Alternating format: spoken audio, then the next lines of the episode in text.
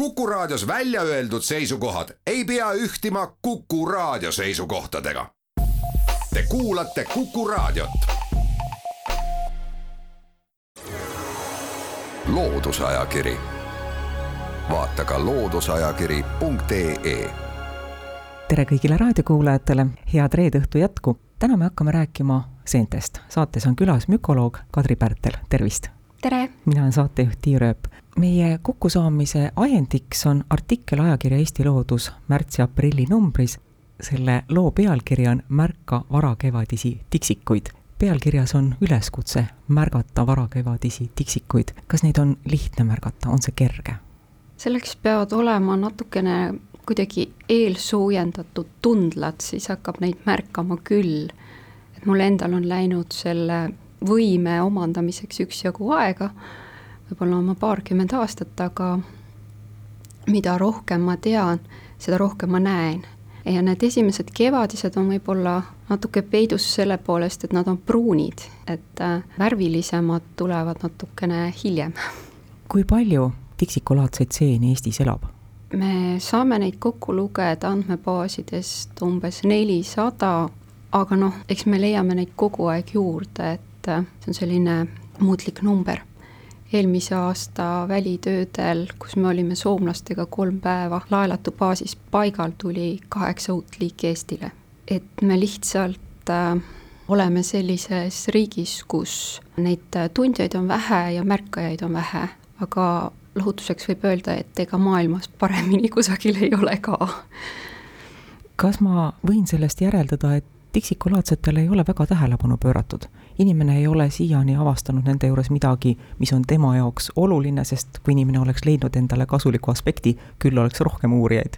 no kahjulikke aspekte on leitud, näiteks saare surm, mis äh, tapab suuri saarepuid, kuulub ka tiksikulaadsete hulka ja seda on tõepoolest väga hästi uuritud ka Eestis. aga teised teevad lihtsalt oma rahulikku tööd aitavad saada igasugu taimsel kõdul mullaks ja enamus nende elust möödub niidistikuna sellesama kasvupinna sees, kus nad elavad, järelikult me enamasti neid ei näe, et see on ainult äh, selline nagu õunõunapus olek, kui tulevad nende viljakehad nähtavale.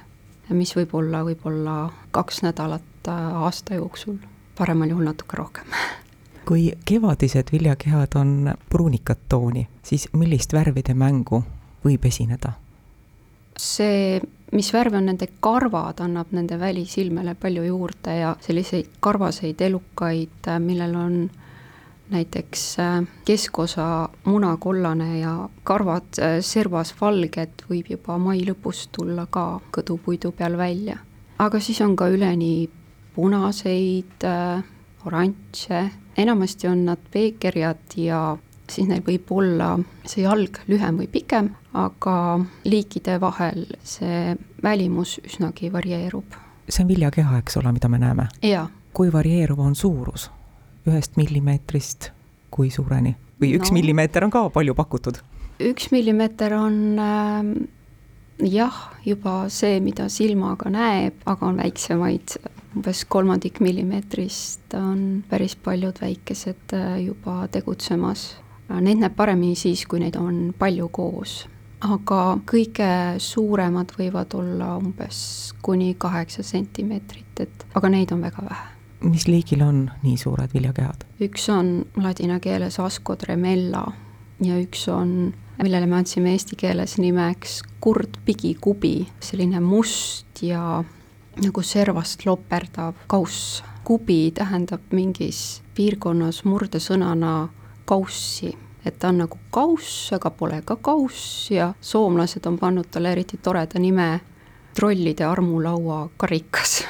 kui nõudlikud ja kas üldse on nõudlikud tiksikulaadsed kasvutingimuste suhtes, keskkonna suhtes, kus nad elavad? Neil on kindlasti erisused, mõni armastab äh, väga kõdunenud vana tüve, siis on kindel, et ta on seotud pigem põliste metsadega, kus puude mahalangemise protsess on käinud loomulikul teel. aga osad liigid lihtsalt vajavad lagundamiseks taimejäänuseid ja mõned neist kasvavad peaaegu igal rohttaimel. et see on hästi liigispetsiifiline ja mõnede kasvunõudluste kohta me ei oska isegi perekonna tasemel veel hästi aru saada, mida nad siis tahavad ja kus nad elavad. Kui on kaks leidu Euroopast, siis nad võivad olla üsnagi juhuslikud esialgu. ja siis me kogume andmeid ja saame lõpuks aru, kirjutame raamatusse, ta elab seal ja tahab seda. kui lihtne, kui keeruline või milliste meetodite abil on võimalik liike määrata tiksikulaatsete puhul? vähesed saab määrata silma järgi enamusel on vaja mikroskoopi, mis on äh, selline mükoloogi korralik mikroskoop, mis suurendab kuni tuhat korda. et me peame nägema, kuidas täpselt eosed moodustuvad, millised on nende suurused ja kujud ja selleks on vaja vaadata mikrostruktuure. keemilised tunnused neil nii väga ei aita, et äh, tänapäeval me saame ka salvestada selle mikroskoobi pildi ja vajadusel pärast avaldada ja see on suureks abiks võrrelda raamatutes olevaid tunnuseid. mis on tiksikulaadsetes nii võluvat või huvitavat, et teie teadustöö on keskendunud just nimelt nendele seentele mm,? see on nagu natukene olnud äh, karjatamata ala või avastamata maa, et neid uurijaid on olnud hästi vähe ja kui nüüd on tänapäeval võimalik äh, DNA abil panna piltlikult äh, kõrs heinakuhjas kokku seenega või äh, mingisugune mullaproov kokku seenega, siis hakkab tekkima nagu teadmine, kuidas kellega ja kus need seened elavad nagu järjest rohkem. osad moodustavad ka mükoriisad, näiteks kanarpikulistele ka ja kui me võrdleme sekventsi, mis on võetud äh, minu kogutud viljakeha eksemplarist ja sellest, mis on võetud kanarpiku juurest, siis me paneme need kaks kokku ja nendest on leitud ka selliseid äh, puitu lagundavaid aineid mõnedest. et äh, see teadmine, kus nad elavad, lõpuks viib selleni ka, mida nad teevad, mis roll neil looduses on, mis ensüüm Äh, neid äh, puidu lagundamise protsesse seal parasjagu teeb. et see kõik nagu on väga huvitav ja me saame järjest rohkem aru näiteks Eestist võetud mullaproovidest, kui tavaline mõni liik on, mida me silmaga näeme harva äh, ja miks siis mitte loodust paremini tunda ajakirja Eesti Loodus märtsi-aprilli numbris teete oma artiklis ka üleskutse, et kui keegi peaks märkama kuusekäbi tiksikut, kelle pilt foto on ka ajakirjas ära trükitud, siis oleks tore, kui ta annaks sellest teada. ja sedasama üleskutset olen ma ka ajalehes Postimees kohanud. kas on tulnud juba vastukaja? seni veel ei ole, aga ma veel loodan. võib-olla on liiga vähe sadanud vihma, aeg võiks olla õige, aga seente viljakeha loomise juurde käib niiskus alati ja loodame, et neid, kes vaevuvad, neid maha kukkunud kuusekäbisid vaatama, lõpuks ikkagi leiavad. ma ise järjekindlalt tegelen sellega, et äh, otsida ise ka. miks on oluline leida see seen?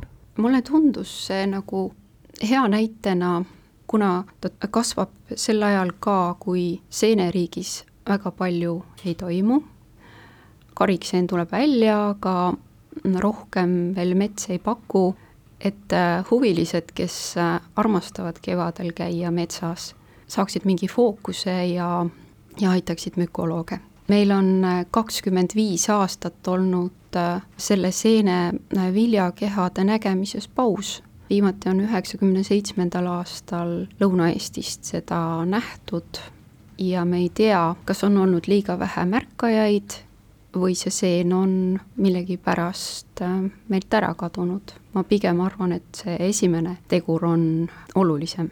kui palju meil varem on olnud selle seene vaatlusi, palju on olnud neid inimesi, kes on märganud kuusekäbi tiksikut? üks nendest märkajatest üheksakümne seitsmendal aastal oli mina ise ja teine oli tollane juhendaja Ain Raidviir. sellel aastal oligi kolm leidu ja siis oli minu meelest kaheksakümnendatel eelmine ka Ain Raidviri poolt, et äh, kui kokku lugeda, siis kaks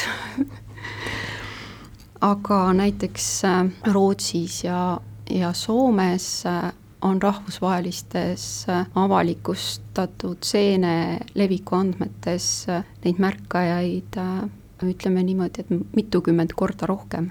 meil on päris head raamatud juba, kus huvilised saavad liike tundma õppida ja internet ka aitab no, huvilisel leida vastust, et mis see on, kui ta selle üles leiab. ja siis on väga lihtne seda pilti avalikustada ja niimoodi ma arvan, et need äh, leiud ongi saanud nagu üles meie naaberriikide pool. kas kuusekäbi tiksikut on käbilt kerge üles leida?